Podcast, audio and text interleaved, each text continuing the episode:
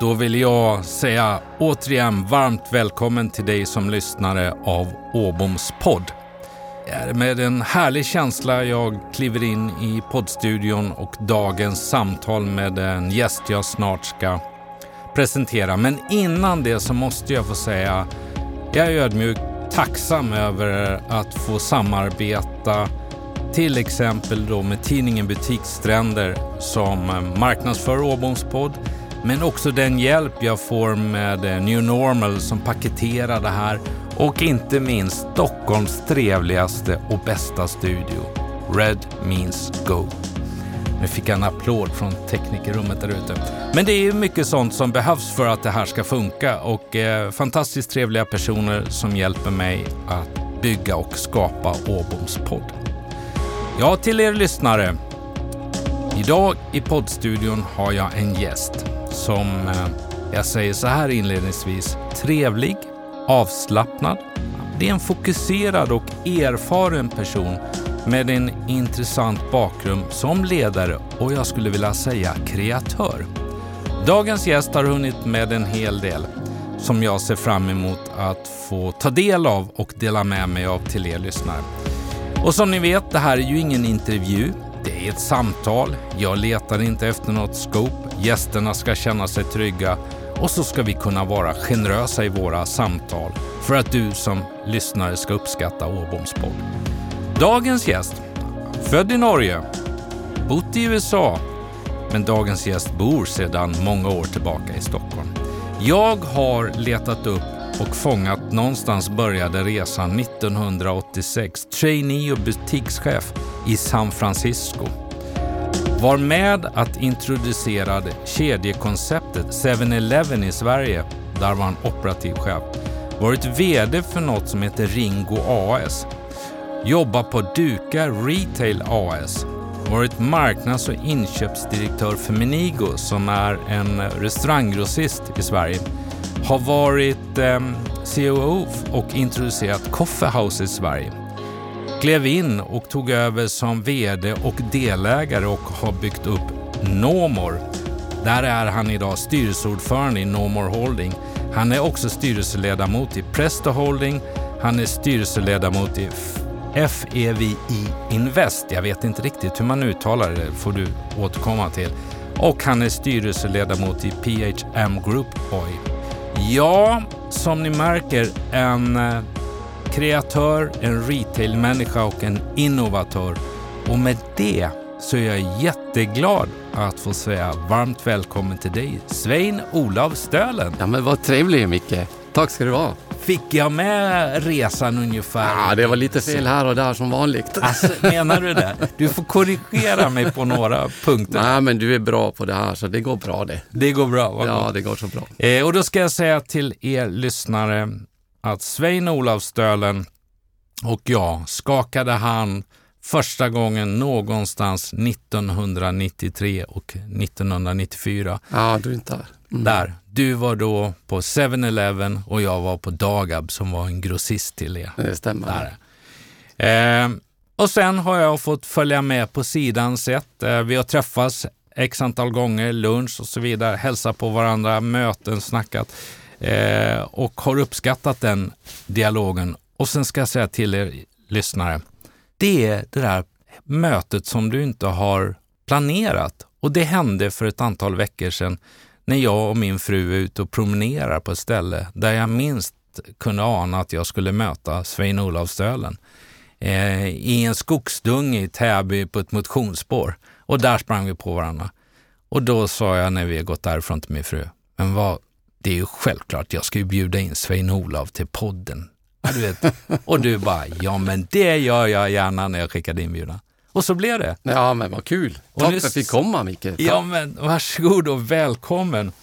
Med den här CV-presentationen, om vi säger så, kan du inte inleda kort själv och, och, fylla ut den, fylla i, korrigera så här. Vem är Svein-Olof Ja, men det är inte så svårt. Jag är en eh, enkel norrman som har flyttat till Sverige för 20 år sedan och du kan säga att eh, jag kommer egentligen från eh, västkusten av Norge. Jag är född och uppvuxen på en plats som heter Vallaröy som är en liten ö långt ute i havet utanför Ålesund. Eh, och då kan jag säga att i, det är en, en av de tingen man, man saknar i livet, visst man har bott på västkusten av Norge, det är liksom att eh, när man kommer till Stockholm och ska ta båten och åka ut i skärgården. Ja, här i, i Östersjön så har du ingen tare, du har ingen lukt, du har ingen krabba, du har ingen fisk. Ja, du har lite fiskar men de är inte helt friska. Mm. eh, men det har du på västkusten Norge. Där luktar det hav, där luktar det tare, där luktar det liksom eh, tangtare, där luktar det, där vet att det är mycket fiske och, och djur i, i havet. Ett levande hav man tror. Mm. Och det är det som är den stora skillnaden. Fantastiskt fint i skärgården i, i Sverige, i Stockholm. Men det är nog helt annat att vara på kusten i, i Norge, för där är det en mycket starkare upplevelse. När det är fint väder och när det är väder som värst, liksom, och det är ordentlig full storm och orkan, då är det kul att vara och känna på det. Liksom. Och det här, är, det här har ju varit min uppväxt. Och jag har ju förstått i, i, min, i, min, eh, i, min, eh, i min, mitt vuxna liv att det, det att växa upp i ett sånt miljö, det präglar det på något sätt. Och det är klart det att när jag var pojk, ja men då var jag liksom nere på, jag låg och fiskade krabbar och ommar och, och drog upp fisken från havet. Det var liksom det jag var född och uppvuxen med. Det var naturligt för mig att göra det. Eh, och det här har jag följt mig in i mitt vuxna liv på det sättet att ja, men när jag ska liksom arbeta med att, med att utveckla företag, eh, göra turnaround på bolag, få med mig folken. Men det är också en form för kall fisketur man är ute på. Man försöker att, att fånga något, utveckla något, försöka bygga något som blir bra. Liksom. Eh, och det här är det skillnad från mina två barn som jag har här i, i, i, i Sollentuna som jag bor. De får inte uppleva det här på samma sätt. Idag är det, idag är det sociala medier och iPads och de kommunicerar genom teknologi idag. Men vi kommunicerar genom att göra grejer ute mm. vid havet. Så den, du har en helt annan eh, eh in, alltså du får en helt annan inställning till livet när du har vuxit upp på det sättet. Det ena behöver inte vara bättre än det andra. Nej. Det är inte så. Det är inte så att det, det gamla är bättre än det nya. Men det är annorlunda. Och, och det gör det att, att komma från en sån liten plats och in till storstaden, bott 12 år i Oslo, 20 år i Stockholm, ett par år i USA. Det gör det att du på något må, det är ganska skönt att vara långt bortifrån och titta på det stora och så gå in i smeten och börja göra något med, ett, med en annan typ av eh, bakgrund än kanske många som har varit alldeles så gått i Stockholm och gått på handel, fått sina jobb, gjort sin grejer. Jag har gjort något helt annat. Och då blir det också en annan typ av person i ditt beteende. Liksom. Sven-Olof, vad har då varit drivkraften för dig att ta dig ifrån den här ön i karga Atlanten? Valdarö heter det. Vallarö? Valdarö. Val... Valdarö. Val... Du måste säga rätt öj. det är en ö i havet. Yep. Jättefin ö i havet. Okay.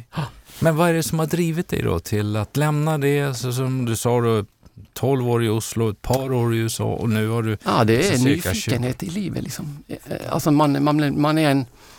Du blir, alltså man är, man är utgångspunkt som en nyfiken person. Man söker sig till platser, till upplevelser, till att göra grejer. Man tar sig fram.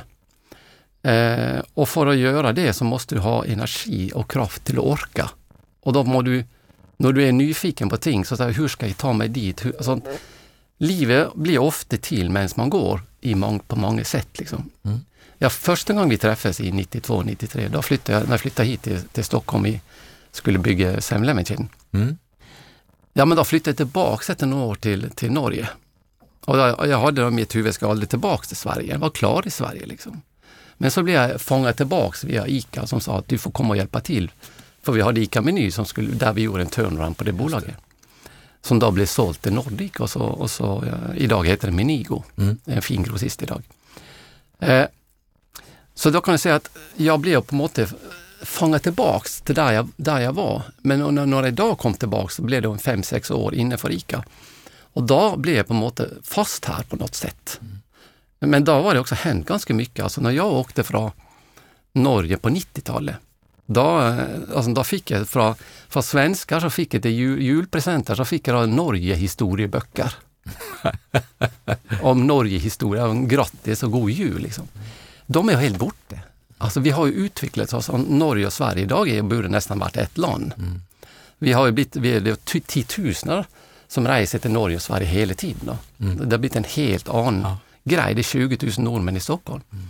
Så det blivit, det blivit liksom en helt annan, vi är mer synkade. Och, och vi rör oss. Jag drar till Norge när vill. Jag drar till Trysil, åker skidor eller åker till Oslo visst det är något jag behöver åka till. Så det är ingen längtan, det är en halvtimme eller en timme, två timmar att komma sig dit. Så för mig är Norge och Sverige ganska lite detsamma. Mm. Men jag, för det har varit där så länge. Liksom. Men det är absolut skillnad på Norge och Sverige kulturellt. Mm. Jag tänkte vi skulle komma tillbaka till det, den ja. kulturella skillnaden lite grann. Eh, kring det. På tal om att vi, vi träffades då någonstans där 92, 93, 94 så vill jag säga att av en slump så kollade jag också naturligtvis när jag förberedde mig, gick in på den berömda LinkedIn. Och eh, vet du när vi connectade där?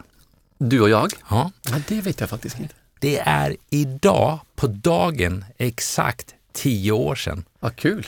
Det är lite också måste vi ha fira. Ja, vi får fira det. Ingen bubbel, men Nej, vi får ta men lite... jag köpte ju med mig lite godfika. Ja, du har kan... bakat säger jag. Ja, Vad det bra. kanske jag inte ska ta åt mig äran för.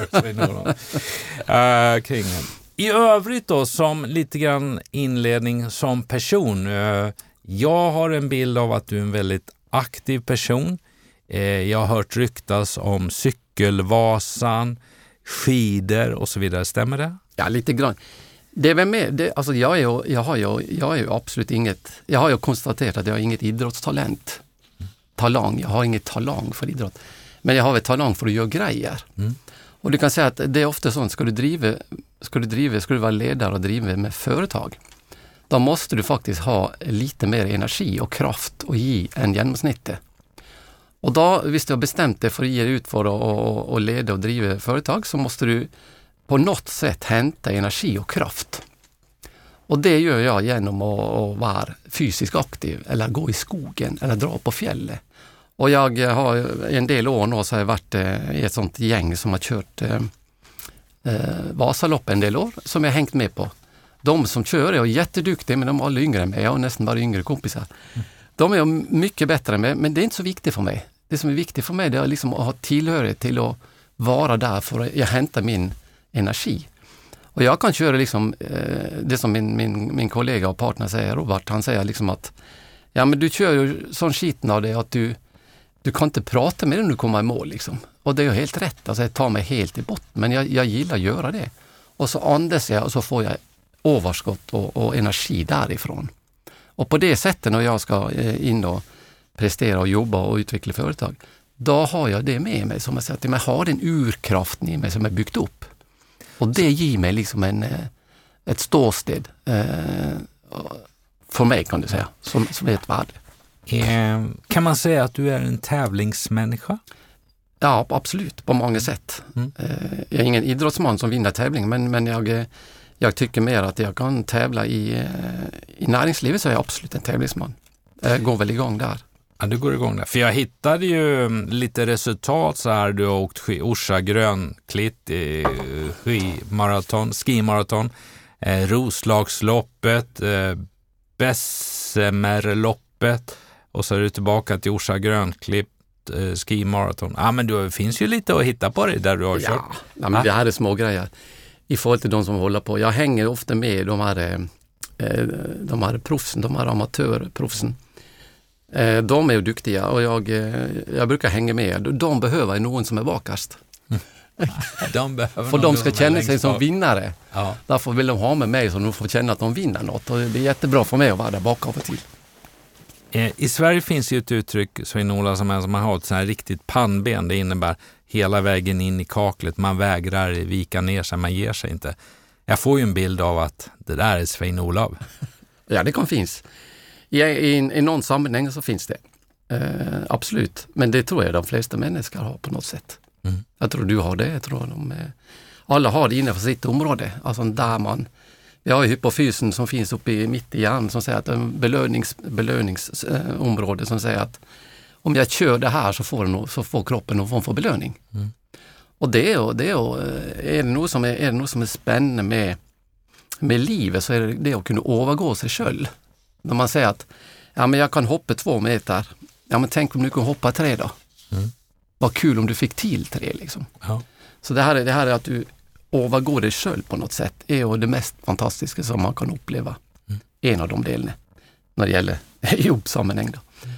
Så det tycker jag liksom är en, en eh, naturlig del som väldigt många människor har i sig på något sätt. Alltså. Innan vi pratar om hur du är som ledare och dina egenskaper och din profil där, så tänkte jag, kan vi inte backa lite grann till de här olika bolagen du har jobbat i? För du, eh, det är ju liksom både business to consumer, det är business to business, lite olika branscher. Du kan väl kort berätta? 7-Eleven tror jag att de flesta vet vad det är idag ju. Ja men 7-Eleven är ju ett, eh, det är det man kallar convenience och det handlar ju om, jag, jag var ju med och, eh, först i Norge och, och byggde och utvecklade 7-Eleven och så flyttade jag till Sverige då på 90-talet, det var så vi träffades. Mm. Och då var det ju, på den tiden så var det nog, det fanns någon form för 7-Eleven den gången, det som hette svenska 7-Eleven. Men det var ju inte det som var convenience, det var små dagligvarubutiker. Så vi, kom och, eh, vi, hade, vi hade utvecklat ett nytt koncept inne för 7 som byggde på att vi skulle ha mer fast food och korvar och, och baguettar och pizzaslice och liksom hela det här fast moving consumer goods mm som vi skulle ha, som vi hade i Norge, så vi hade succé med i Norge som gjorde att vi, det som var skillnaden på en vanlig dagligvarubutik på den tiden och Semlemmen, det var ju det att i Norge, vi klarade att lyfta bruttovinsten eller marginalen från 26 till 28 procent till 36. Och det, det, var, det var ju affärskritiskt för att eh, en franchisetagare innanför Semlemmen skulle kunna bli lönsam och tjäna pengar. Och det är ju det som är success storyn innanför Semlemmen, att du har franchisetagare som är duktiga, mm lönsamma och mår bra på jobbet. Mm. Och det är inte bara Semlen, det gäller all business. Du måste ha stabilitet när du ska köra. Så det hade vi lyckats med och, som första land i Europa i Norge att göra. Och, och, då, när vi då, och då kom amerikanerna från eh, från USA, från, eh, där borta, så sa de det att eh, vill ni inte vara med och starta upp i Norge, i Sverige och Danmark och, och liksom få det här att bli nordisk? Mm. Och då, då, då sa vi ja till det och då fick jag frågan, kan du vara med och, och dra igång Sverige? Så jag flyttade till Sverige då, eh, på 90-talet. Och då skulle vi liksom bygga om alla de butikerna vi hade eh, och så skulle vi skaffa massa nya. Så vi, så det på Vasagatan, vi satt på Vasagatan 22, där som Scandic sitter idag. På övervåningen? På övervåningen där. där. Så det är ganska ja. kul att gå på Scandic, det är nya Scandic, de som har varit i Stockholm och mm. eh, nere med centralen och går in på den. Det är ganska kul lobby där. Mm. Där satt jag mitt i luften på mitt kontor på hörnan mot Vasagatan. Men i alla fall, vi byggde Vasagatan 22 och Vasagatan 44 och fick upp liksom eh, en 30-tals 7 i city mm. i Stockholm. Och jag ser idag, alla de hörnorna ni ser på Birger Vasagatan, Sveavägen runt om i city, ja men de finns ju där idag. Och de kommer inte finnas den, den dagen jag inte finns här. Mm. Så de är magiskt bra hörnor för den typen av business. Men i alla fall, jag var med och la den första korven på grillen på 7 Big Biten. Och jag var med och tog fram uppskriften och jag kvalitetssäkrade den, så vi producerade den på Scan i Scanfood här, här i, i Sverige, i Stockholm. Mm. Och fick den på grillen och fick den till att funka och, och, och börja rulla det här igång. Liksom. Och det var ju sån 92, 93, 94 runt där. 25-30 år sedan. Det känns ju inte som det är så, så länge sedan för man är, känner sig fortsatt så pigg. Så det känns som det är bara några år sedan. Mm. Men det är faktiskt ganska lång tid sedan. Men därifrån då, så ja. eh, du har Ringo, du har Duka. Ja, jag, var, jag hade en del korta perioder i Norge. Mm. Jag, var, jag var VD för, för Ringo i Norge ett par år. Och det är? Det är leksakskedja, men var, hade 110 butiker mm. i Norge. Mm. Eh, och Duka känner du till, eh, mm. Svenska Duka, det var ägda av, jag jobbade för Atle Brynstad i Norge, mm. eh, som då köpte Duka. Och jag var eh, ansvarig och hjälpte, hjälpte honom att starta Duka i Polen, Baltikum, Danmark eh, och lite i Sverige. Men mest var jag i, eh, nere, i tre, fyra år där nere. Så jag drog igång, drog igång bolagen i Baltikum och i Polen och i Danmark. Mm. Och så var det väl därifrån jag hamnade, hamnade tillbaks till Sverige. Så det, liksom, jag var hemma en fem års tid och så åkte jag, kom tillbaks till Sverige, till ICA. Till ICA? Ja, till ICA. ICA Meny då hette det? ICA Meny hette det på den gången. Och då var ju det ett, eh, det var ett företag som var en, det var i dålig skick det var skickligt dålig skick och vi hade liksom, eh, vi omsatte kanske ja, 3,9 miljard, eh, tappade 130 miljoner per år. Och jag kommer Kenneth Bengtsson som var styrchaufför och sa ni måste fixa till det här nu, kan ni inte hjälpa oss? Och då var det tillsammans med Björn Krasse som då var VD, det var han och jag som grejt, det här måste vi lösa liksom. Vi hade en 1200 anställda och sånt. aktiv, vi hade också grejer, vi hade också business i Norge på den tiden, så var det Norge och Sverige. Men i alla fall, vi tog det bolaget då från eh, underkant av 4 miljarder till 6 miljarder och så tjänade vi 100 miljoner istället för att tapa massa pengar och så blev det då sålt till Nordic Capital och ut av ICA-systemet. Så jag var med och tog det upp och sålde det och, och, och det fick en ny ägare. Eh, och idag finns det, det så, idag, och så skiftade man namn då, för man kunde inte heta ICA när man var i, på utsidan av ICA. Nej. Så de fick behålla den ett par års tid och så blev det då Minigo, mm. som är ett fantastiskt bra namn. Och, och är ett starkt namn, varumärke i, i restaurangbranschen i, i, ja, i Sverige idag. Mm. Stämmer. Ja. Känner ju väl till det ja, från min tid till det, för du var ju på, på, Martin Olsson. Martin Olsson. På den tiden som idag Absolut. heter Martin Servera. Eh, helt klart.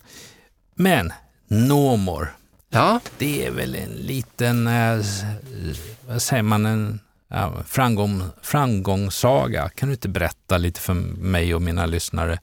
Vad är Nomor? Ja, men det är lite sånt att, jag kan säga också bara för att eh, recapa lite med om du tar då, eh, för att avsluta ICA Meny och Menigo, mm. så kan jag säga att när jag jobbade där så var det liksom, det var lite, hela restaurangbranschen, vi, vi köpte en del bolag på den tiden också. För Alvin Nokvist, grossisten där, och vi köpte också för Systembolaget, eh, restaurangpartner, eh, som blev en del av eh, ICA Meny, Menigo. Men jag, och jag, jag, jag hade ju då, man hade mycket pengar på ICA Slickat på den tiden. Så jag, vi sponsrade kocklandslaget och Bocuse och de hade fina... Och jag satt i styrelsen i, i svenska kocklandslaget. Vi var två OS på den tiden. Och vi hade massor fina middagar. Jag vet inte om vi var på någon tillsammans, men var det säkert också. Det var ganska många fina upplevelser vi hade i den perioden. Därifrån till så var jag också inom och eh, jobbade med Espresso en period, men Just. det kan vi ta sen. Nomor. Så skulle jag börja jobba med Nomor som handlade om sanering, eh, råttor, kackerlackor, vägglöss och allt det som på något är eh, ja, ohyra för att kalla det. Ganska lång från kock-VM och ja, fine dining. Och många funderar på vad du, vad du finner på nå, liksom, vad du tänkt på nå. Liksom. Men då var det så att jag såg en bransch, jag såg en bransch som hade en stor aktör som på något kontrollerade den branschen och så var det väldigt få andra som hade klart att komma upp. Eh, och så var det så att jag var inom och jobbade på Espresso en period. Och, och då skulle vi upphandla saneringsavtal och egenkontrollprogrammet till på Espresso. Och då var det ju, då hade vi, då hade vi Anticimex som är den största, absolut största i, i Sverige. Eh, och så var det då eh, försöka finna en ny en, för att det här var, jag upplevde att det var allt för dyrt. Som alltid. Du vet, när vi förhandlar så är det alltid för dyrt. Ja, jag vet. Du vet. Ja. Vi har förhandlat, ja. du och jag. Ja. Du fick ju, du vant ju. Ja, jag tycker vi vann båda två. Ja, du fick ju både fru och ja, bra. den storyn finns ju där också ja. Det stämmer. Ska vi ta den då eller ska ja, vi? Ja, vi får väl vara lite generösa ja. eller på det sättet. Ja, eller per av lite mjuka värden ja, lite mjuka värden, ja det stämmer. Min, min eh, fantastiska fru har nämligen haft Svein-Olav som chef, så när vi lärde känna varandra där du och jag 92, 93 någonstans, så, så 94 så där träffade jag ju henne också. Så det Träffade henne, det var ju mer än det. Du, du satt ju på mitt kontor och ville prata om henne istället för att förhandla priser. Nej, nej, och jag nej. ville ha ner priserna. Nu är han på du... väg på en sån här Norge-historia tror jag. Ja, nej, men det här är, kanske, ett egen, det här är kanske en egen podd. Mm. Ja, det kan det bli. Det ja, det kan det bli. Nej, men det var eh, din kära, ja. fantastisk kvinna. Mm, eh, vi jobbar jättebra ihop. Mm. Och det, jag är glad för att du blir gift med henne. Det är jag med. Du får hälsa. Ja, jag lovar. Ja, jag vet ju att vi träffas idag så att ja då. det blir förhör när jag kommer hem. Nej, men så, så, du kan säga att när vi började, för att gå tillbaks till Nomor, eh, så var det då ett eh, litet bolag, hållt i Falun, eh, omsatte runt 50 miljoner. Runt 50 anställda, tappade pengar det också. Mm. Eh, men Anticimex var ett miljardföretag och har liksom kontrollerat på marknaden. Liksom. Det var obalans i konkurrenssituationen i Sverige. Så att jättemånga kunder var, var missnöjda, priserna var för höga eh, för att det är en aktör som kontrollerar marknaden. Mm. Och då tänkte jag liksom att här måste det vara en möjlighet. Alltså. Det här är en underdog, kan man inte bygga upp något som går att få till på något bra sätt. Och på den tiden så hade jag också eh, hade jag då rekryterat in en kille som heter Robert Stjärngranat i, på, på um, ICA-Meny som kom från som hade bott i Belgien och så ville hem och arbeta. Mm. En ordentligt duktig arbetare. Han var försäljningschef på ICA Meny och gjorde en fantastisk jobb där. Men vi connectade på ett jättebra sätt. Och vi tillsammans bestämde liksom att kanske vi ska göra något i framtiden någon gång. Mm. Eh, om vi finner ett bra bolag och ser om vi kan utveckla något som kan bli spännande. Liksom. Mm. Så kom det här med normer upp och så började vi att, att gräva i det. Och när jag hade haft möte med normer så förstod jag att vi kan inte jobba med normer, men bolaget och branschen är intressant. Det var min, min bild av det. Så då bestämde jag mig för att ringa till styrchauffören i det bolaget och fråga efter om hon kunde få ett möte. Och så gjorde jag det, ringde till, till Bengt-Göran eh, Persson som var, var ordförande. Alltså, kan vi ha ett möte? Vi har haft ett möte med Normor men jag kunde gärna tänka mig att diskutera med dig liksom, alternativet sätt att ju- ta det här vidare på. Ja men absolut, säger han. Han var ju fantastiskt trevlig. Mm. Eh, så då ringde jag Robert och så sa jag till Robert, nu får du komma hem till mig, nu ska vi sitta på mitt loft och så låser vi in oss hela helgen för nu måste vi läsa på oss om den här branschen så vi fattar vad vi ska prata om. Och då planerar vi en, veck, en helg där eh, och gjorde vår prestation och så åkte vi på möte med styrchauffören. Och därifrån så tog vi det, det vidare framåt någon vecka. Och så var det en del månader och så visade sig det att de måste göra en ny emission. Och vi, då sa vi att det är grejt. Då fick vi frågan, kunde du tänka dig att vara med och köra? Kunde vara, och då säger jag att ja, men jag kan gå in där om jag känner att det här är bra. Ja, och då skulle man ha en stämma, det var 110 ägare i bolaget den tiden. Eh, så jag, jag fick komma in. 110 ägare. 110 ägare, det här var ju 2009. Och det här var också den tiden, då man, alltså Lehman crashen och det var liksom, vi var inne i den perioden där det var lite ka- kall liksom finansiell depression runt om. Bankerna låg stängde dörren och det var svårt att få finansiering. Så då sa vi det att eh, men jag vill sitta där, jag vill se om det är bra stämning, jag vill se om, känna efter om jag kan få till något med bolaget, för jag går inte in utan jag känner att jag kan röra om i grytan och, och fixa till det på ett bra Nej. sätt. Liksom. Men det kände, det var inte dålig stämning, det var bra stämning där och det var bara att man inte lärt sig tjäna pengar och lärt sig att ta hand om personal på ett bra sätt. Så jag tackade ja till det och jag började där i januari eh, 2009. Men det var detsamma, det var inte någon skillnad på ICA Meny som var ett eh, miljardföretag och NOMO som var ett mindre företag. Eh, en turnaround måste du göra på, på lite samma sätt. Du måste sitta med personal, prata med var enkelt. Nästan alltid så finns ju lösningen i organisation. Det finns alltid duktiga folk som hamnar lite fel, skulle hellre ha gjort det istället. Och det finns alltid någon som vill mycket men som på grund av enten ledarskap eller situation som har uppstått så, så får man inte fram sin kraft. Och det här är lite som, lite som det är tillbaka till idrotten. Om, om du ska, någon gång så kan man, kan man förvånas av att du ser när man byter tränare på ett fotbollslag som har tappat alla matcherna i sista, sista serierundan. Mm. Och så sätter du en ny tränare med samma team och så börjar du vinna. Och Det är lite sånt med, med bolag också. Funkar det inte, ta bort det gamla, sätt in något nytt och se om det kan funka. Och så ser du att det är många som får ny energi och ny kraft. Man tillför energi och det är någon som börjar tro på något. Och det börjar alltid där, man, man tror på något. Man säger att det här tror jag på, det här vill jag, ja men det här känns bra. Och jag hade ju då följt det bolaget där i en 28 månader före jag gick in, så jag hade ganska bra koll på vad jag skulle göra. Och jag visste att när jag satte foten in på dörrarna där, satte foten in så visste jag att det ska det hända grejer dag ett. Liksom. Jag skulle inte gå och fundera på vad ska hända.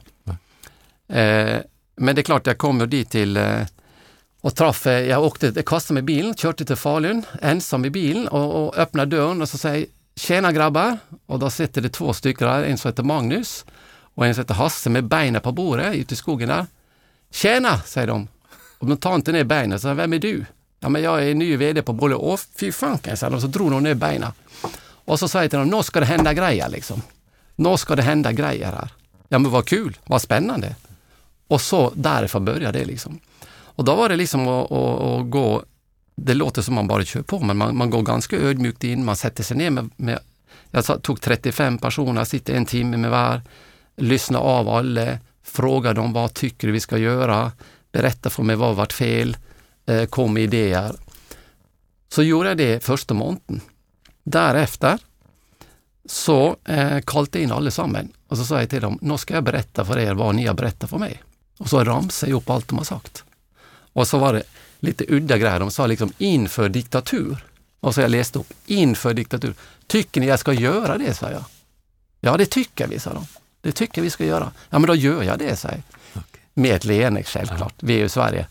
Man Mm. kan inte liksom eh, banka till folk, man måste Nej. göra med, med, med hjärta och Mm. hjärna samt, Mm. samtidigt. Liksom. Superviktig. Men tillför kraft och energi och, och lite kunskap från andra som man har med sig på vad, vad man kan göra för att det ska bli bra. Liksom. Men i sådana turnaround-processer så måste man också, eh, någon måste åka. Så det åkte tio personer ut första tre månaderna. Man måste få in ny kraft. Man måste röja om. Eh, men man måste göra det medan man lys lyssnar hela tiden. Man får inte, man får inte komma och, och tycka att man är så mycket duktigare än alla andra, för det är inte det det handlar om. Det handlar om att man måste gå in och försöka göra rätt ting så man kommer att få den här, eh, bygger konkurrenskraften. Mm. Man, ofta så glömmer folk att ja, men man lever i en tuff konkurrenssituation där det finns andra som vill vinna matchen hela tiden. Och här kommer det här med konkurrensinstinkt in. Ja, men då måste man bestämma sig. Det är vi som ska vinna matchen. Vi måste. Och hur gör man det? Innanför det ramverket som finns i, i samhället och innanför bolag och innanför den strukturen som finns. Och ja, ja, det att driva tjänsteföretag, det är för mig, eh, det är om människa. Det handlar ju om att ta hand om människor och kollegor och folk runt dig på ett bra sätt. Eh, det handlar ju rätt och slätt om att du, du tänker att du ska bygga en fin kultur i bolaget. Alltså du ska få med dig, få fart på gänget, men du gör det genom att du kommunicerar, du informerar och du, du pratar med dem på ett sätt som gör att de får eh, de blir glada, de blir entusiastiska, de tror på något. Du lyssnar på Åboms podd. Åboms podd är producerad i nära samarbete med Butikstrender, Styrelseinstitutet och Red Means Go. Svein-Olof, är, Ja. du, är du en närvarande chef då? Ja, det får du fråga alla om, men det är klart, jag upplevde att jag var otroligt närvarande. och Jag, var liksom, jag brukade all min tid på det här eh, dygnet runt omtrent i, i månader liksom, för att få det här till att, att bli bra. Jag funkar mycket bättre när det är ett bolag som är dåligt än när ett bolag flyger. Då är jag liksom, ja men, men det är ofta som man frågar sig, men vad är du bra på allt det där? Ja, men jag är väl, eh, jag är inte så bra på så mycket, men jag är bra på en grej. Jag är bra på att få med bra folk. Alltså det är ofta så, det gäller att rekrytera bra folk, få bra folk med sig, eh, få stabilitet. Och jag hade en fantastisk, för det första så har man liksom, och sett en bra ledningsgrupp som jag hade i, på den tiden, Robert, Andreas och, och, och Jakob. Fantastiska killar som är, som är säljgående, som driver sig själva och som skapar förtroende i organisation. Så måste du ha ett bra eh, ledarskap, mellanledarskap. Du måste ha bra regionchefer, bra folk i kundtjänsten som är med och gör, driver processer. Men, men så måste man ju ha i det fall här som handlar om där vi har en par undertecknare. Du måste ju ha liksom det gänget med dig. Det är det viktigaste. Att du får med dig, att, du får, att det får inte vara så, så stor distans från, från mittnivå till en tekniker. Det måste vara öppen dörr, du måste kunna komma in när de vill, du får vara human. Liksom. Men ni var, när du började där, så var ni en 35 drygt personer. Mm, ja, Och när du lämnade vd-uppdraget på Nomor. ja så- 500-600. Ja. Vi gick ju in i Norge också. Ja, och jag menar en sak är ju 35 personer som du sa, du kunde sitta ner med alla under en timme, eh, under en månad. Men med 500 så är det inte lika enkelt. Exakt. Exakt. Nu är du inne på något fantastiskt spännande. För det, det, det, som, det som händer när du går från här, all, all, all bolag, bolagsutveckling handlar om nivåer. Eh, du, du får den, den för, alltså jag pratar med folk som har drivit ett företag och omsätter 6 miljoner och tycker de är jättestora. Men du har, du har 30 miljoner, 50 miljoner, 100 miljoner, 100 anställda, 2, 3, 400 anställda, 500 anställda. Det är inte så stor skillnad på 3 och 500 anställda. Det kan vara lite samma stuke liksom. Men, men det som händer är det att du måste, du måste tänka kommunikation. Du måste tänka, hur ska man nå ut till, till alla? Ja, men Sverige är lite som Norge. Det är liksom om du flippar det på kartan så ham- hamnar du i Rom. Mm. Alltså det, det är ett långstrakt land. Ja, Det är skillnad på, liksom, på Norrland och, och Skåne. ja. Det är jätteskillnad. Så här, så här måste man få med, hur ska få med dem här uppe i, det snör där uppe och så är det sommar nere i Skåne. Och det är en helt annan kultur liksom. Så hur, hur får man med dem på, på resan? Det är en konst. Och det är kul. Och det är möjligt. Men Och nu det har vi gjort. Nu blev, du, du ändrade du kroppsspråk Ja, men du sa det, det här är, ju kul. det som handlar, det här, det här är det handlar om. Och jag ska berätta lite, om du har Ja, tid, absolut. hur, hur, vi, hur, vi, hur vi gjorde för att det skulle bli bra. Och det handlar lite om att en fråga jag ställde när jag kom in i bolaget, det var ju för exempel, har ni haft några möten, har ni setts? Då hade bolaget levt i cirka tio år. Nej, vi har aldrig mött dem här, bara på telefon. Ja, men då måste vi ha en kick-off, då måste vi ha en fest, säg. Och så samlar vi allesammans från norr och söder och då var vi 40-50 pers första gången. Och det var ju magiskt. Det var akkurat som, vad, vad, vad, heter det på norsk, syltefora. Man har inte, har inte fått sett varandra, Ja, man äntligen är liksom. Det är som man känner nu när coronan och att Mm. ja, vi måste ut och träffa folk snart. I alla fall, och då, sa vi, då, då började vi säga, hur kan vi bygga upp det här så vi kan träffas jämligen på något sätt genom året? Och då byggde vi en modell som byggde på att vi kör en kick-off per år, det ska vara alla. Vi kör eh, säljkonkurrenser var halvår. Då samlar vi 30 pers och åker på något spännande. Och det här är och ingången till det var ju liksom, men vad ska vi då göra med de här som är vinnare och hur får vi, får vi ihop det? Och då, sa, då satt vi och drodlade lite och så sa vi det, men jag tycker att vi ska ta dem med på Kebnekaise och gå på fjäll. Liksom. Och så var det någon andra som sa att, ja men kan inte vi åka på ölfestival i München istället? Och så säger men kan vi, ska vi ha båda då så kan de få välja. Och så bygger vi ett koncept som heter Vill du ha huvudvärk eller träningsvärk? ja men lite sån. Mm. Och så la- launchade vi det och så blev det konkurrens och vi, vi fixade kunder och alla var glada och så skulle, vi liksom, skulle folk välja men det var ingen som ville bli med mig på fjälltur. Det var inte det? Nej, alla ville ner och, och, och, och, och dricka gott öl nere i München liksom. För de är ju 20 år och plus liksom, så de vill ut och festa och ha det kul liksom. Att, eh, men det blev ju det, det blev liksom eh, Rajtan Tajtan deluxe liksom. Eh, Och det tyckte inte jag var så bra för det ju lite risker med att skicka 30-20-åring till München på ölfestival. Ja. Så, så då sa vi det, vi gör om det här. Vi vill gärna hellre vara fysiskt aktiva, få i fart på dem, bygga liksom energi från insidan och ut. Eh, och, och då gjorde vi det så att eh, nästa gång så, så, så fick de inte välja. Och då har vi, då har vi begynt, och vi, så vi har varit på Kebnekaise och vi har varit på Gollepiggen och vi har åkt till Tatrabergen i Polen och vi har varit på fisketur i Lofoten. Vi har gjort massor sånt med, med anställda och skapat äventyr. Och vi, vi, varje år så har vi varit på, på skidåkning i Trysil och då, vi har alltid med kock och, och jag kör längdåkningskurs för dem som får lära sig. De skåningarna tror att bara för att jag är norrman så är jag duktig på att åka längdskidor. Jag, jag är inte duktig, men jag är kanske duktigare än en skåning eh, som aldrig har satt, sin, aldrig satt fot på en skida någon gång. Men det är kul att få prova liksom. Mm. Och man får magiskt fin upplevelse i fjällen liksom. Och det här har ju skapat en kultur hos oss. Och den finns ju idag också. Det är, det är ingen skillnad. De, nu är det coronatider men den, den var ju för corona och, den, och det kommer Jakob som är ny VD på Normal i Sverige till att ta med sig vidare på något sätt. Liksom. För det här är nog som alla ropar efter. Vad blir det av våra turer liksom? Och då jag lovar dig, när du, har varit, när du åker torsdag och kommer hem på söndag kväll, det är ingen av dem som gör något dåligt jobb på måndagen. Alltså de känner att de är en del av något som är fantastiskt kul och bra. Och det är för det att vi, vi jagar inte bara folk och att man ska jobba mycket och sånt, men vi, vi som jag brukar säga till alla, vi vill gärna ha, vi ska, vi ska ha det trevligt ihop när vi jobbar ihop. Vi har ett liv, vi har ett, en, en, du går på jobben hela dagarna. Nu ska vi försöka skapa något tillsammans som är kul, en, en trevlig arbetsplats. Liksom.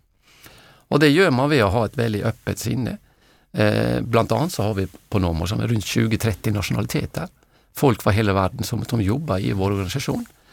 Om man ser debatten som går i, i media i, i Sverige om invandring och allt det här, som blir ett källsår. Det är inget källsår. En, en, en, en invandrare, 99 procent av alla invandrare idag, de gör ett fantastiskt jobb i Sverige och är bra arbetare och, och är lika bra som oss och, och bättre många gånger.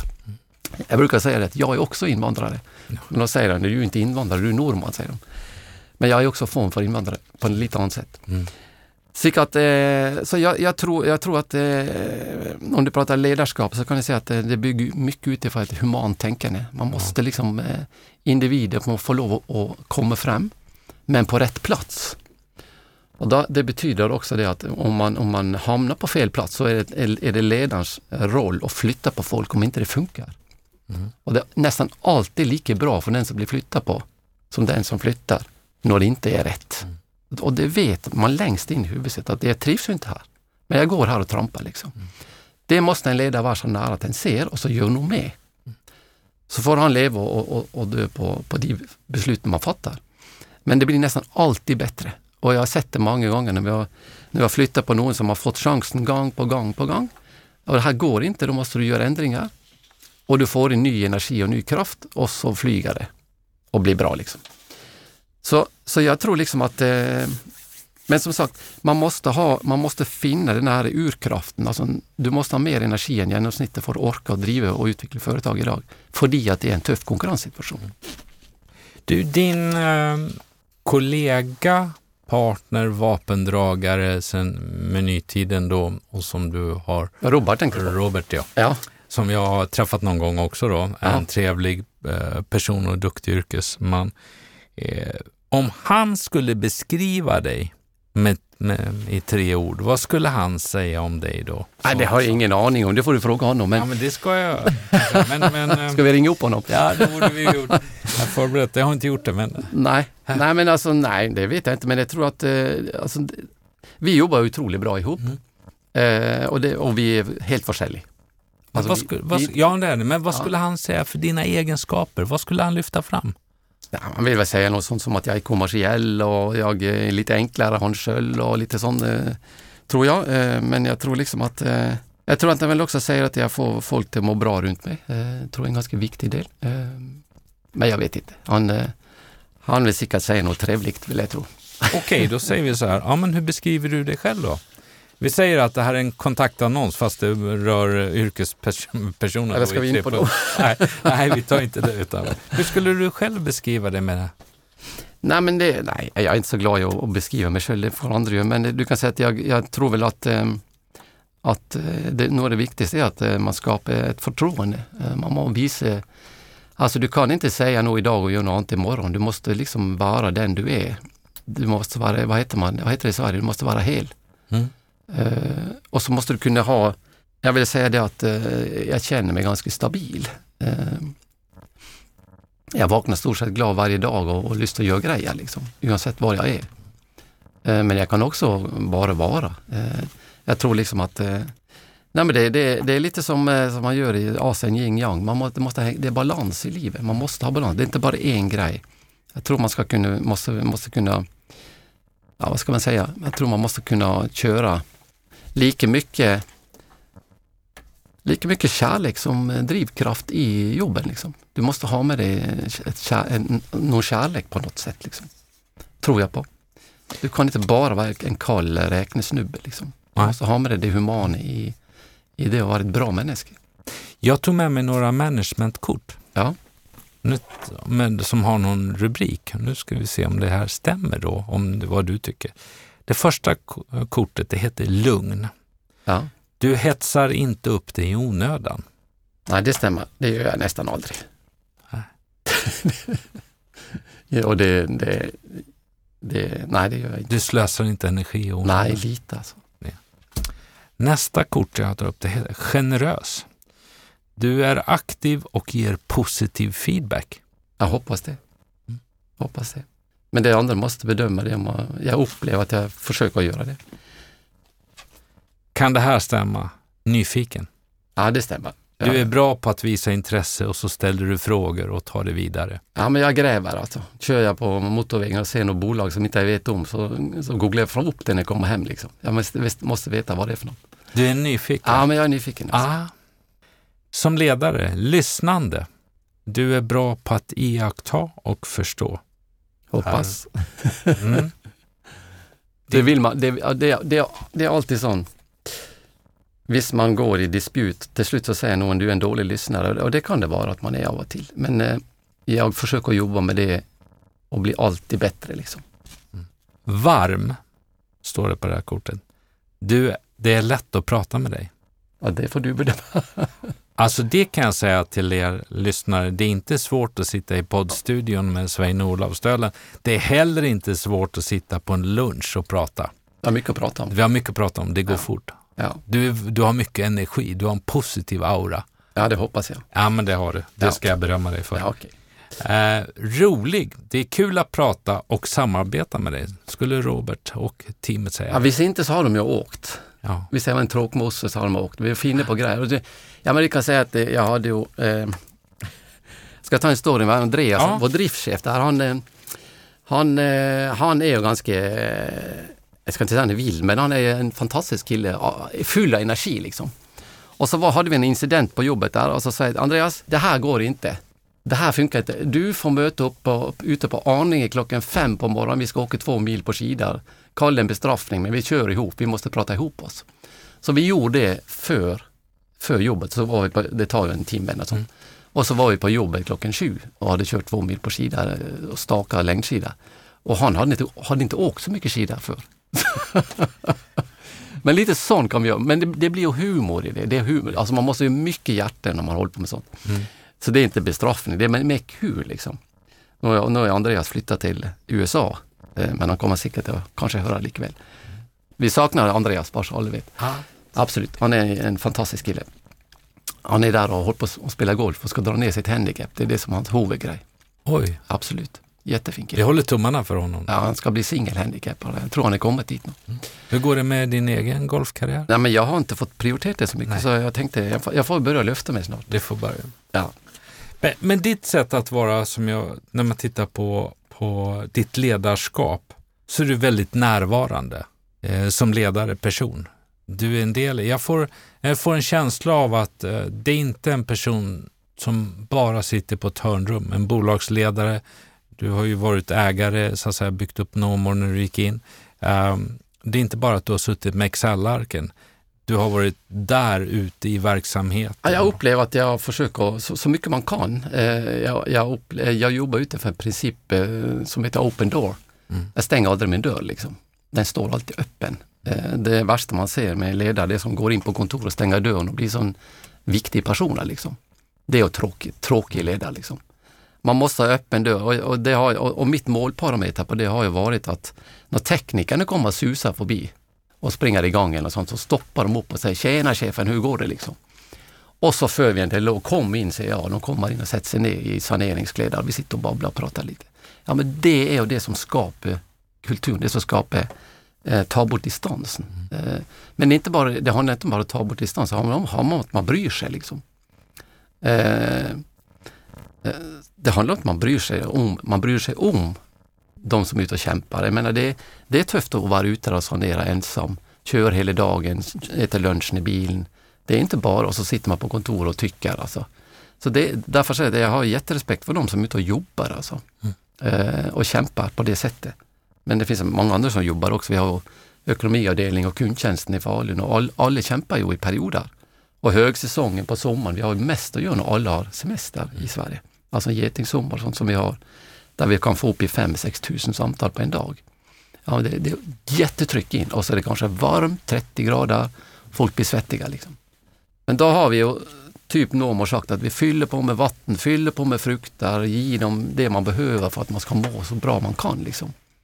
Eh, och alla som kommer in med bilen får plocka på sig grejer, så det är bara något vi gör. Liksom.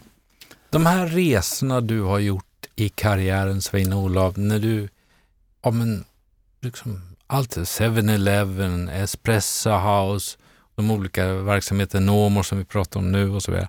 Eh, har du alltid varit bergsäker på svaret på, eller resultatet av, av åtgärder? Eller eh, sitter det också lite grann, ja men det är magkänsla, jag behöver inte ha allt på papper innan. Hur är du som bolagsledare? Men nu är det res- resultat. Nej, men det kan vara ett projekt eller en affär eller en förhandling eller, eh, eller en marknadsinvestering eller någonting.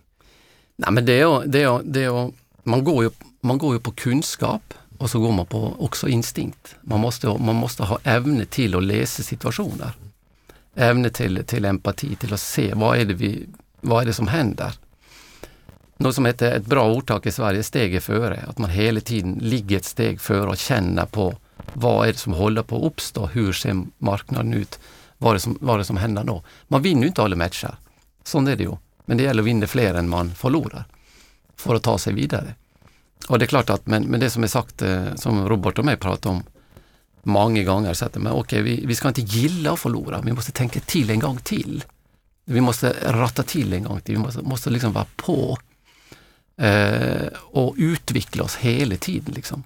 Så du kan säga att i, i Alltså det här, det som vi pratar om nu, det är ju, allt vi pratar om nu har ju, för att säga så, det gör att kunderna får bättre villkor. Det blir tuffare konkurrens. Och det är det som är det fina med kommersiell verksamhet. Det är konkurrensen som uppstår och den ger slutändan kunden bättre priser och bättre leverans. Det är nog bra i det. Ulämpen med kommersiell verksamhet är att det är någon som inte överlever. Det kommer alltid att vara någon som inte klarar sig. Mm. Men det är en del av det, det samhälle vi har. Liksom. Att, att det, det, så, det, det, får vara så tufft att de bästa och någon till överlever och de som inte är bra nog, de blir uppätna, de andra blir köpt in eller vad man gör. Då. Vi har gjort Ja, vi har gjort 15 förvärven och sånt på Norm och vi har köpt bolag i Norge. Vi gick in i Norge för en del år sedan eh, och köpte fyra bolag på ganska kort tid och blev, blev nummer två aktör i Norge också. Slik att vi, vi, vi har på något eh, och det brukade jag fyra år på att tänka till. Jag var i Norge många gånger, jag träffade många aktörer, tänkte till, vad gör man? Hela tiden ligger före, för vi gick in där. Eh, men då hade vi också fått in en ny, ska jag också nämna, vi, under halva resan efter fem år så fick vi in en, en ny huvudägare på Nomor som heter Norvestor, som var en fantastiskt bra eh, investeringsfond i Norge. Eh, som, som ett bra gäng och bra killar där som kunde, som kunde hjälpa oss med att ta de stegen i förvärvsprocessen. Fantastiskt bra faktiskt. Och det har funkat hur bra som helst. Och vi kört med dem också i fem år för de, för de sålde. Eh, så, så, man måste också läsa, när bolag har kommit till ett visst nivå, ska man sälja, ska man gå med andra, ska man bli den som är ledstjärna och köpa andra? Hur tar man sig vidare? För är det något som är, händer varje år så är det att du blir, kostnaden ökar ju i alla bolag varje år. Ja, om du inte gör någonting så ökar de ju. Normalt så ökar, alltså, du har, du har sån covid och det händer grejer liksom. Ja. Men kostnaderna, de kommer efter dig och har du ingen omsättningsökning så måste du inte skära i kostnaderna och bli slimma eller så blir du uppäten. Du måste ha utveckling på omsättning för att du ska kunna ta dig framåt på något sätt. Liksom. Och så är det lite så att, när vi pratar lite kultur igen, liksom att, som, som jag ofta sa till, till gänget, så sa jag liksom att när vi, när vi vinner matchen i Sverige så ska vi ut och spela Champions League. Och alla säger yes, det ska vi göra liksom. Men det finns ju ingen Champions League i vår bransch. Liksom. Det är bara liksom en metafor. Mm. Att vi ska köra liksom. Eh, och det, det är ju det som, men det är också det som på något sätt skapar liksom en, ett, ett fantastiskt bra gäng. Det är att du, du bygger lite metaforer, du bygger lite känsla. Du, du skapar lite röre, du rör i, i själ och hjärtat till folk. Och folk börjar bry, bry sig och, ska, och liksom bli trygg. Man ska vara trygg, man ska må bra och man ska jobba bra. Liksom. Och det som jag säger att eh, man, man, får ha högt i tak på vem, vem folk är. Man får ha den läggning man vill, man får komma från det landet man vill och man får göra som man vill. Men det är någonting man, man ska vara duktig på, man ska göra sitt jobb bra. Man ska vara duktig på jobbet. Det accepterar att det avvik där är inte okej. Okay, liksom. Men resten får man ha extremt hög eh, acceptansgräns för. Nu sitter jag med dagens gäst som antagligen är bäst av alla på att svara på frågan om skillnaden i kultur mellan Sverige och Norge. Ska vi prata om det då? ja, men ge mig och mina lyssnare en del vad vi ska tänka på. Eh, för jag menar, du född i Norge, du är norrman, men du har bott länge i ditt liv i Sverige. Du har jobbat i svenska verksamheter och, och, och internationella. Men, så att det, jag menar, du borde ju nästan ha facit, eller hur? Nej, men ge lite ja, tips. Vi kan, Vad ska vi, tänka på? Ja, men vi kan toucha det området, för det, det, det är ett väldigt intressant område. För, att det, det, för först är vi en, vi är en liten lekegrind här uppe i Norden, alltså Norge 5 miljoner människor, 10 miljoner i Sverige. Eh, men det, det som är fantastiskt med bägge land, är att det, det är välutvecklade, två välutvecklade länder. Eh, man kan tycka så mycket man vill om Sverige idag, med allt som har hänt de sista tio åren med invandring och kriminalitet och sånt. Man kan tycka så mycket om det, men i botten så är Sverige ett fantastiskt land. Eh, se bort från det eh, snusket som står i media hela tiden. Sverige är ett fantastiskt land. Det är ett tryggt land, det är ett bra land att bo i, det är ett bra land att utbilda sig i. Det finns mat, det finns kläder, det finns plats att bo. Det finns möjligheter för alla som driver utveckling och business och man är fantastisk på idrott. Norge har detsamma. Norge har, har exakt detsamma i lite mindre skala. Norge, Norge var ju Kom ihåg att Norge var ju liksom fiskare och bönder för, för en 30-40 år sedan. Så fick man oljan på 70-talet. olje, gas och olja. Och därifrån så har ju Norge blivit en, blivit en, en rik nation, blivit en helt annan typ av nation. Idag är det val i Norge. Idag går man till val och det blir en annan typ av regering som det ser ut nu. Och det betyder också det att det, det har kommit, det här är en helt ny, nytt tänk i Norge. Att man vill bort från oljan, nu ska man inte ha olja längre, nu ska det vara, eh, nu ska det vara rödgrönt och, och de här gröna tar mycket mer plats. Så det, det, är stora ändringar på gång i Norge med, med tänket. Det betyder inte att det är, det kan vara att vi går fram ett steg och ett steg tillbaks när man börjar se att kanske inte allt funkar. Men det, får vi, det gänstår att se. Men jag tycker liksom att eh, den här eh, Norge-Sverige, lite, lite humoristisk, vad kallar det, konkurrensinstinkter som finns mellan de två länderna, de finns där fortsatt, men mest i idrotten. Det finns fortsatt lite, men inte så mycket längre heller, lite, lite grann liksom. Det finns mycket kärlek mellan Norge och Sverige. Det är jättebra att vara norrman i Sverige. Och jag upplever att det är fint att vara svensk i Norge. Alltså i botten så är vi, är vi två kulturer som är glada i varandra. Och skulle, skulle det vara så illa att vi skulle hamna i någon strid och sånt i, i framtiden så tror jag vi hjälper varandra på bästa sätt. Liksom. Mm. Det finns nog i, och Norge har faktiskt blivit största handelsmarknaden för Sverige. Förr var det ju Tyskland, nu har det mm. Norge. Så att det, det, har ju, det har ju ändrat sig. Och, och så kan man gärna konkurrera lite och, och eh, peppa varandra, och liksom, men, men man ger också beröm till varandra. Mm. Um, I Norge pratar man mycket om att uh, vi bara passar så inte vi får svenska tillstånd där i Norge. Ja, man vet ju inte helt vad man pratar om. Det är media som har brukat nå, nå, nå en slogan mm. för att liksom skrämma lite och det är politiken som tar fram det och mm. man leker med metaforer. Liksom. När det är sagt så kan jag säga att självklart finns det utmaningar. Det finns utmaningar i Norge, det finns utmaningar i Sverige. Mm. Men vi har två länder som är lite korruption, stabil ekonomi, bra skattenivå. Eh, och det är viktigt att betala skatt så att man får nog pengar till att bygga allt vägar och hälsoväsen och allt man behöver. Eh, så får man gärna diskutera om det är bra eller dåligt, men ett visst nivå må det vara. Och det är det man ser skillnaden på när du går till andra kulturer nere i nice. Mellanamerika där det finns korruption, eh, där det finns liksom, ja, det finns massa ting som kanske inte är bra för den allmänna person. Liksom. Men eh, så, så skillnaden mellan Norge och Sverige har ju blivit jättemycket mer integrerat de sista åren, de sista 20 åren jag varit här, än det var för, när jag flög första, mina första turer till, på 90-talet, då var det nästan ingen norrman på flyget till Sverige. Idag ser det, ser det bort för corona. För corona så var det kanske 20, 30, 40 fulla flyg. Bägge vägar liksom. Så norska bolag har kommit till Sverige, svenska bolag har kommit hit. Mm. Det vara i Sverige idag upplever jag inte som någon grej längre. Det är inte sånt som det var förr. Nej men det är som när jag till, i fem år nu till dotterbolaget och så vidare. Det, är, det känns ju inte riktigt som att man åker till ett annat land, även om man gör. För vi har så pass mycket lika. Vi förstår varandra, vi kan sitta och jobba en, på en hel dag och, och eh, Ja men det är lite mat och sånt. Vi har ju ja. brunost men de får den, de får den på ICA också. Så. Absolut. Så lite, lite sådana grejer. Liksom. Så, så, men, men det är ju matkultur och den är fin i Norge. Ja exakt. Vi har, Sverige har ju mycket bättre på lunch. Man har ju lunch i Sverige, det ja. har man inte så mycket i Norge. Nej, det, det. har man i Oslo liksom. Men ja. går du, resten av Norge har man inte så, då har man liksom, ja man har med matpacken liksom. Ja. Det behöver inte vara fel på det, för man har, man har mycket bättre bröd i Norge på grund av det. Man har byggt mycket bättre bröd. Mm. Sverige har ju mer luftbröd som jag brukar säga. Mina barn älskar ju norsk bröd. De får, det, när vi är i Norge så tar vi alltid, fyller bilen med bröd och lägger i frysen. Liksom. För det får du i Norge. Liksom. Det får man. Det får du.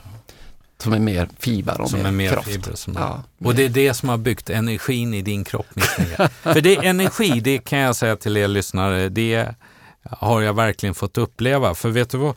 Eh, timme går väldigt fort i en poddstudio. Och där är vi ju. Jag har inte nu. koll på det. Nej, men jag har koll. Men jag måste ändå hinna få med Svein-Olof.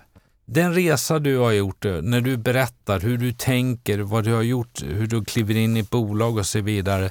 Så berätta för mig. Det, du pratar om att det är viktigt att det finns en energi i organisationen och så vidare.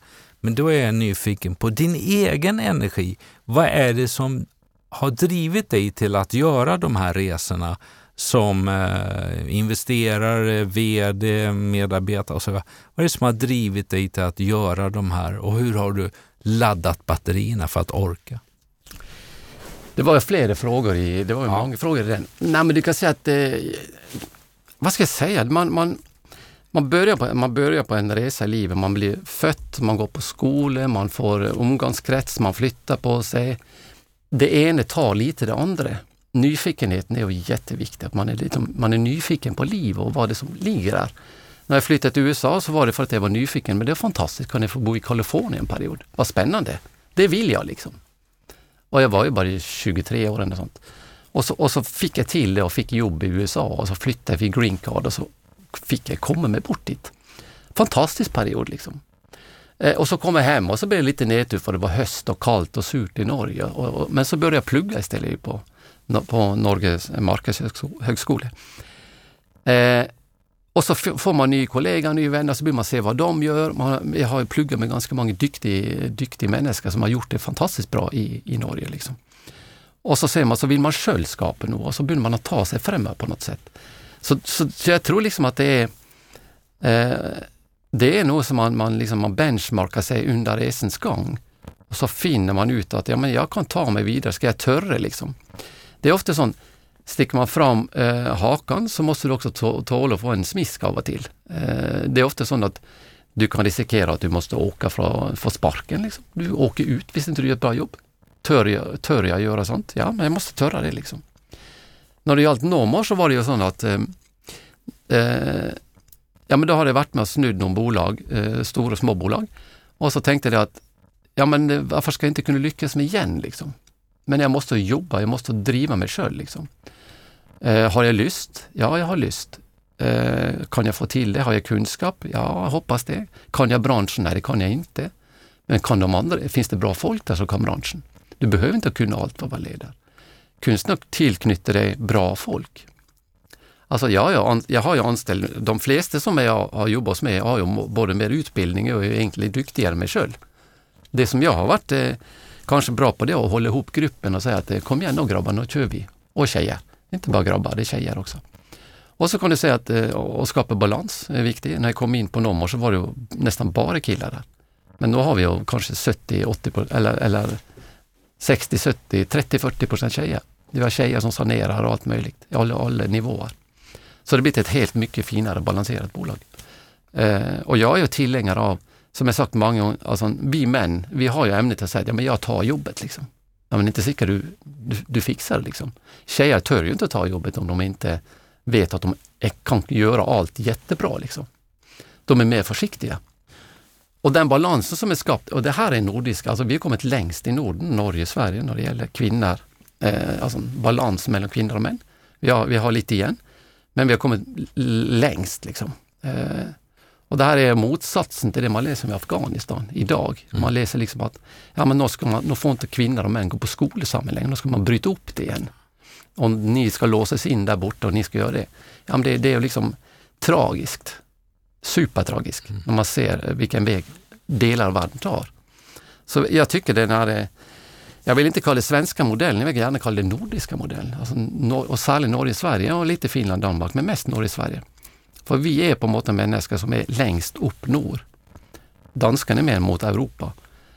Men Norge och Sverige, vi, vi har en gräns som är fantastiskt lång och vi har på något en, en, en kultur som, är, som vi, ska, vi ska vårda om på ett fint sätt. Svein-Olav? Jag vet, jag vet inte om det var svar på frågan, Micke. Jo. Men det var väl lite runt allt. Svein-Olav. Ja. Från ön i havet Valdaröj. Valdaröj, ja. Två år i USA, men innan 12 år i Oslo, 20 år i Sverige. Idag har jag mött en person som är nyfiken, som eh, har insett att jag måste ha energi och kraft som ledare, men jag behöver också få ut energi och kraft i verksamheten och organisationen. En person som säger, jag har inte så många talanger, men jag har en talang för att göra saker och det har ju ni märkt att uppenbarligen så har han det, för det har ju skett saker i den här spännande karriären. Pratar mycket om att ha en tillhörighet som människa i teamet och det ger energi. Jag har också mött en tävlingsmänniska som gillar att ligga steget före. Men är inte bara en bolagsledare på övergripande plan utan faktiskt som såg till att hantverket fungerar, nämligen att korven var en riktigt bra när 7-Eleven rullades ut i Sverige och var med där och jobbade i produktutvecklingen. Vi har fått eh, höra om Nomorresan där från början var det 110 ägare när du klev in i januari 2009 och den utvecklingsresa som ni har gjort. Vi har pratat om att få göra turnaround. Det är en häftig upplevelse för många ledare att få göra det. Att eh, vi pratade om likheter med att få in en ny tränare i ett idrottslag, vad det kan betyda. Fortfarande samma lag, men en ny tränare, en ny röst. Vi pratar om att i en turnaround att jobba med att få organisationen att tro på förändringsarbetet, att se till att gjuta in energi och se till att hjärta och hjärna finns med i hela den processen. Människor är en viktig del i din eh, resa. Vi har pratat om kultur, eh, hur du jobbar med att kommunicera. Eh, den här kulturen som du startade på Nomor med kickoffen, det ska vara kul och, och den kom in på, ska det vara huvudvärkstema eller träningsverkstema? Där det började med huvudvärk och gick över i träningsverk. Väldigt symboliskt häftigt, eh, måste jag säga. Och, och den, det du säger även, ja, men jag har väl en talang till, jag är bra på att få med sig eh, och sätta samman bra människor. Och det är viktigt, som ledare kan man inte göra allt själv. Man måste vara ett team och det har du lyckats helt klart. Eh, ledarskap har du pratat om under vårt samtal utifrån ditt perspektiv om att, att du gillar att det är ett humant ledarskap. Du gillar att det är ett ledarskap där det finns lite humor och glädje i de här delarna. Mycket. Mycket, ja, säger han med ett stort leende. Eh, jobba med att ta bort distansen. Du har varit en tillgänglig ledare, sitter med öppen dörr, kan prata med alla. Eh, och du har en magkänsla, en instinkt hur du ska hantera saker och ting. Vi har pratat om kulturen, Sverige, Norge, men vi har också pratat om, det du summerar tycker jag är väldigt bra, det är en nordisk modell, hur vi jobbar och utvecklar oss i samhället. Bolagsutveckling på, behövs olika steg i olika nivåer beroende på var bolaget befinner sig. Min summering är att jag har fått förmånen att ha en gäst som är nyfiken, han är orädd, som har en hög kapacitet, som är smart, som dessutom är trevlig, och väldigt konkret och som inser att jag har en idé och ser till att kunna vara navet i den och sätta samman teamet för att genomföra. Det är min bild av dig, Svein-Olof. Och med lite fusk då, eftersom vi har synts under åren, så när jag har skrivit då, vad tror jag att jag kommer möta för en gäst? Ja, men då har jag skrivit att jag möter en lugn, jag möter en glad, jag möter en äkta. Och så har jag skrivit cool. Och det innebär inte cool, ja, men reflekterande cool, du har distans till saker och ting. Du vet att ibland går det upp, ibland går det ner, men det finns alltid möjlighet eller en lösning på allt. Det är min känsla. Så vad säger du själv om en dryga timmens samtal om ledarskap ja, men det vet och din mycket resa? Det, ja, vi har träffats en del gånger och vi har ju alltid bra samtal. Så att, eh, det är faktiskt lite trevligt att jag fick lov att komma hit. Mm. Eh, du har gjort det fantastiskt bra med dina poddar. Så att, eh, jag tycker det har varit eh, bara magiskt bra. Eh, du är, du är en fantastisk kille. Kanske jag ska snart intervjua dig och vi snur på det här. Ja. Ja, vi får väl se. Vi får se hur vi ska göra. Om jag klarar av en sån rotation. ja. Eh, men Svein-Olof, ja. det har varit otroligt roligt att ses igen efter så många år. Man säger inte att det är så många år sedan vi sågs, utan från första gången. Eh, det är en resa som jag har kunnat stå vid sidan om, följa, om och, följa upp och, och titta på och se hur duktig du har varit tillsammans med ditt team. Eh, och den är inte slut än. Jag vet ju att du, och, och, som ni hörde, sitter i olika styrelser och så vidare. Så att jag önskar dig allt gott och eh, lycka till med eh, livet och affärerna framöver. Och återigen, stort tack för att du tackade ja till att vara med i Åboms podd. Tack ska du ha, Micke. Tack. tack. Ha det gott. Tack.